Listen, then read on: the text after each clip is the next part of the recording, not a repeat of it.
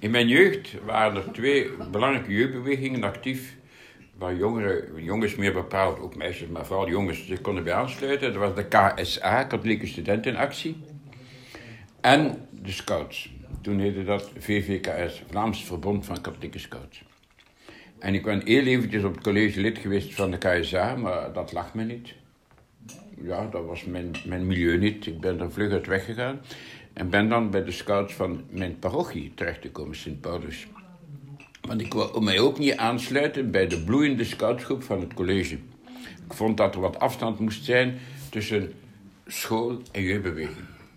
Als dat samenvalt, zou ik mij veel te veel gecontroleerd voelen door diezelfde Jesuitenpaters. Want ook de Jesuitenpaters waren natuurlijk almoezeniers van die scouts. Onder andere pater de Moerloze. Had een bijnaam Poepke. Waarom werd hij Poepke genoemd? Omdat hij zo gezicht had in de vorm van een poepke. Ja, en iedereen zei Poepke tegen hem. En hij was daardoor gecharmeerd. Enfin goed, dat tussenhaakjes.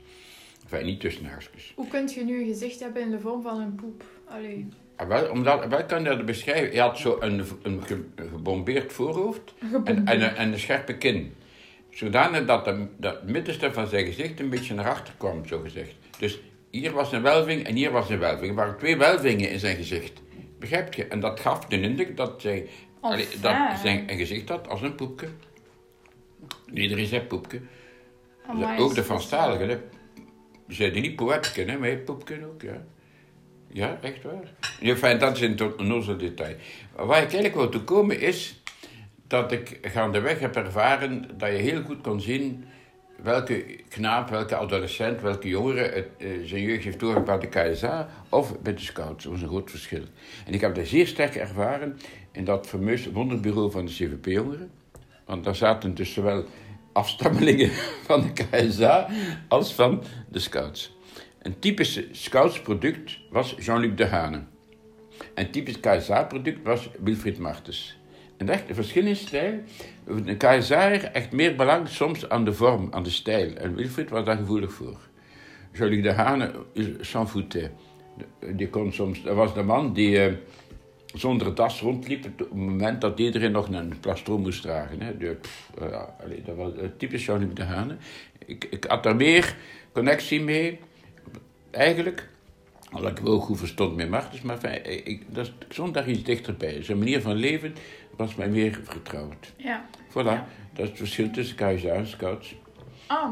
Oh, ja. Daar ging het over, daar ging het over. En daar hè. ging het over. Daar ging het over. En met eh, nog, nog de, de connectie dat, er is, dat het niet zo verwonderlijk was dat, eh, dat scoutisme en jezuïten toch wel ja, ergens bij elkaar aanleunden.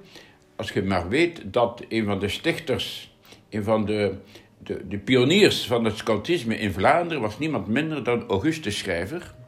Augustus Schrijver, stichter van de CVP in 1945. Die had zijn jeugd doorgebracht in, eh, in 1418 in Engeland.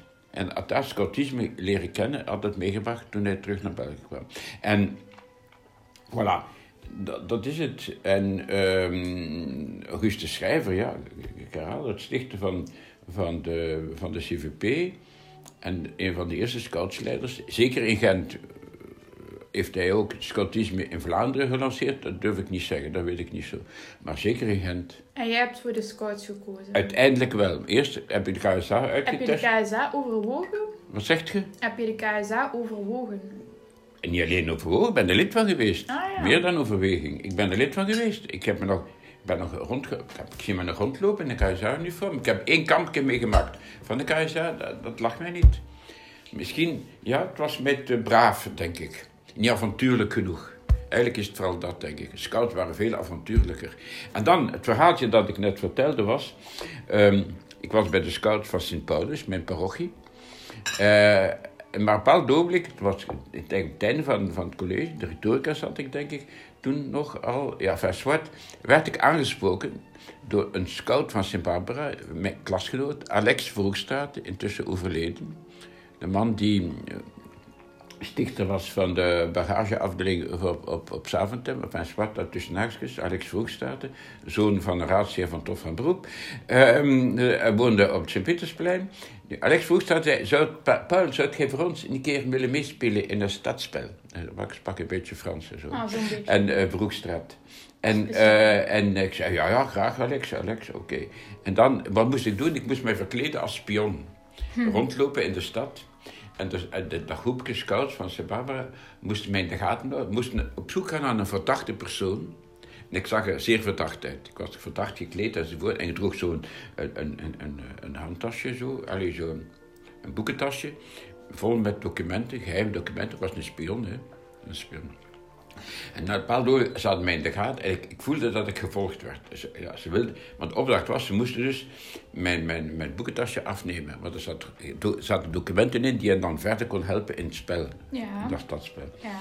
Maar ik zag ze dichterbij komen. Ik zei, ja, ik, ik mag, niet, mag niet in hun handen vallen. Hè. Wat deed ik? Enorm. Toen reden er nog trams rond in Gent. Uh, met open deuren eigenlijk. Je kon daar, je kon daar in zekere zin... En ik, ik ben gesprongen op een rijdende tram. Die weliswaar waarschijnlijk een beetje aan het vertragen was. Ik ben op een rijdende tram gesprongen om te ontsnappen. Om, om te ontsnappen naar mijn vervolgers. En, en dan, omdat natuurlijk het spel niet, niet, niet wou dwarsbomen, ze moesten mij kunnen grijpen. Nou ja, ik moet meespelen. Ben ik dan 50 meter verder terug van, van de tram afgesprongen. Amai. En dan konden ze mij pakken. hebben ze mijn boekentas afgepakt, uiteraard. Dat liet mij doen. Weerstand geboden natuurlijk, maar ja, ik liet het uiteindelijk doen. En ze hebben dan het spel verder kunnen spelen. Ah ja. Ongelooflijk. Dat ik me dan allemaal herinner. Lex Vroegstraat was de inspirator. Leuk verhaaltje. Die is niet te geloven. Niet te geloven. Sint Barbara, dat is een speciaal schoolke.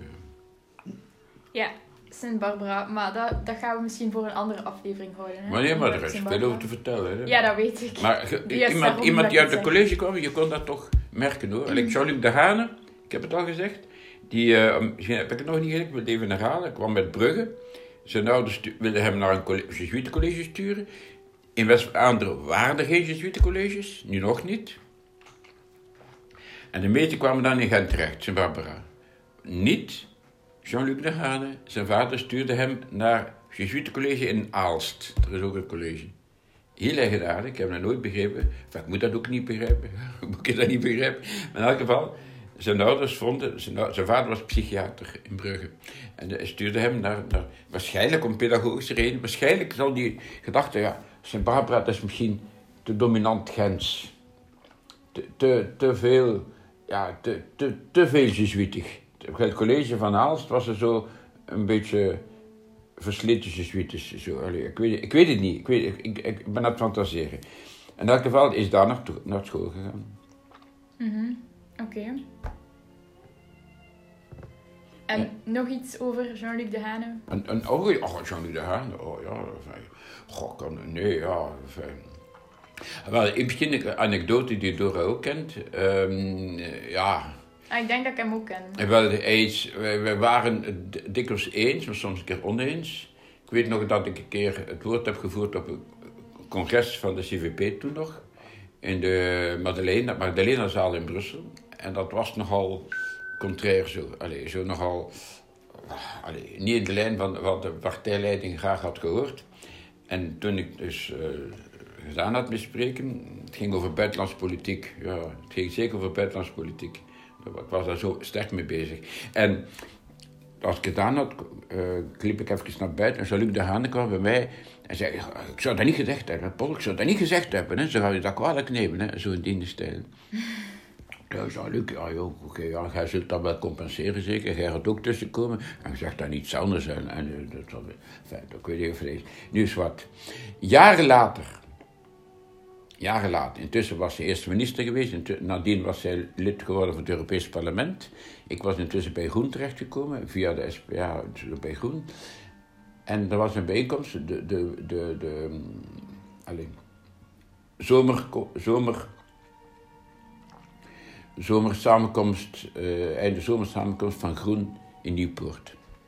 Ieder jaar. Van, al twee jaar achter elkaar dat niet kunnen gebeuren bij corona. Goed, dat ging, dat, dat ging door in Nieuwpoort, zomertreffen van Groen.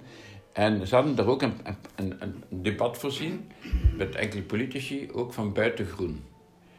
Met Jean-Luc de Hane, en wie, ik weet niet wie er nog bij zat. En ik, eh, Jean-Luc de Haan, dus ze zaten op hem te wachten. Ik stond aan de ingang, omdat ik wist dat hij nog moest aankomen, omdat ik hem dan kon wel begroeten.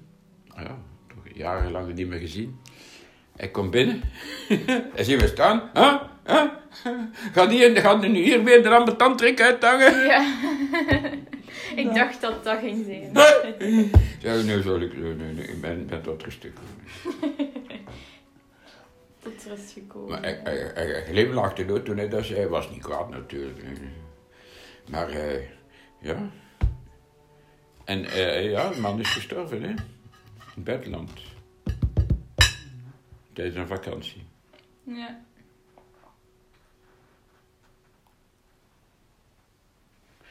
Goed.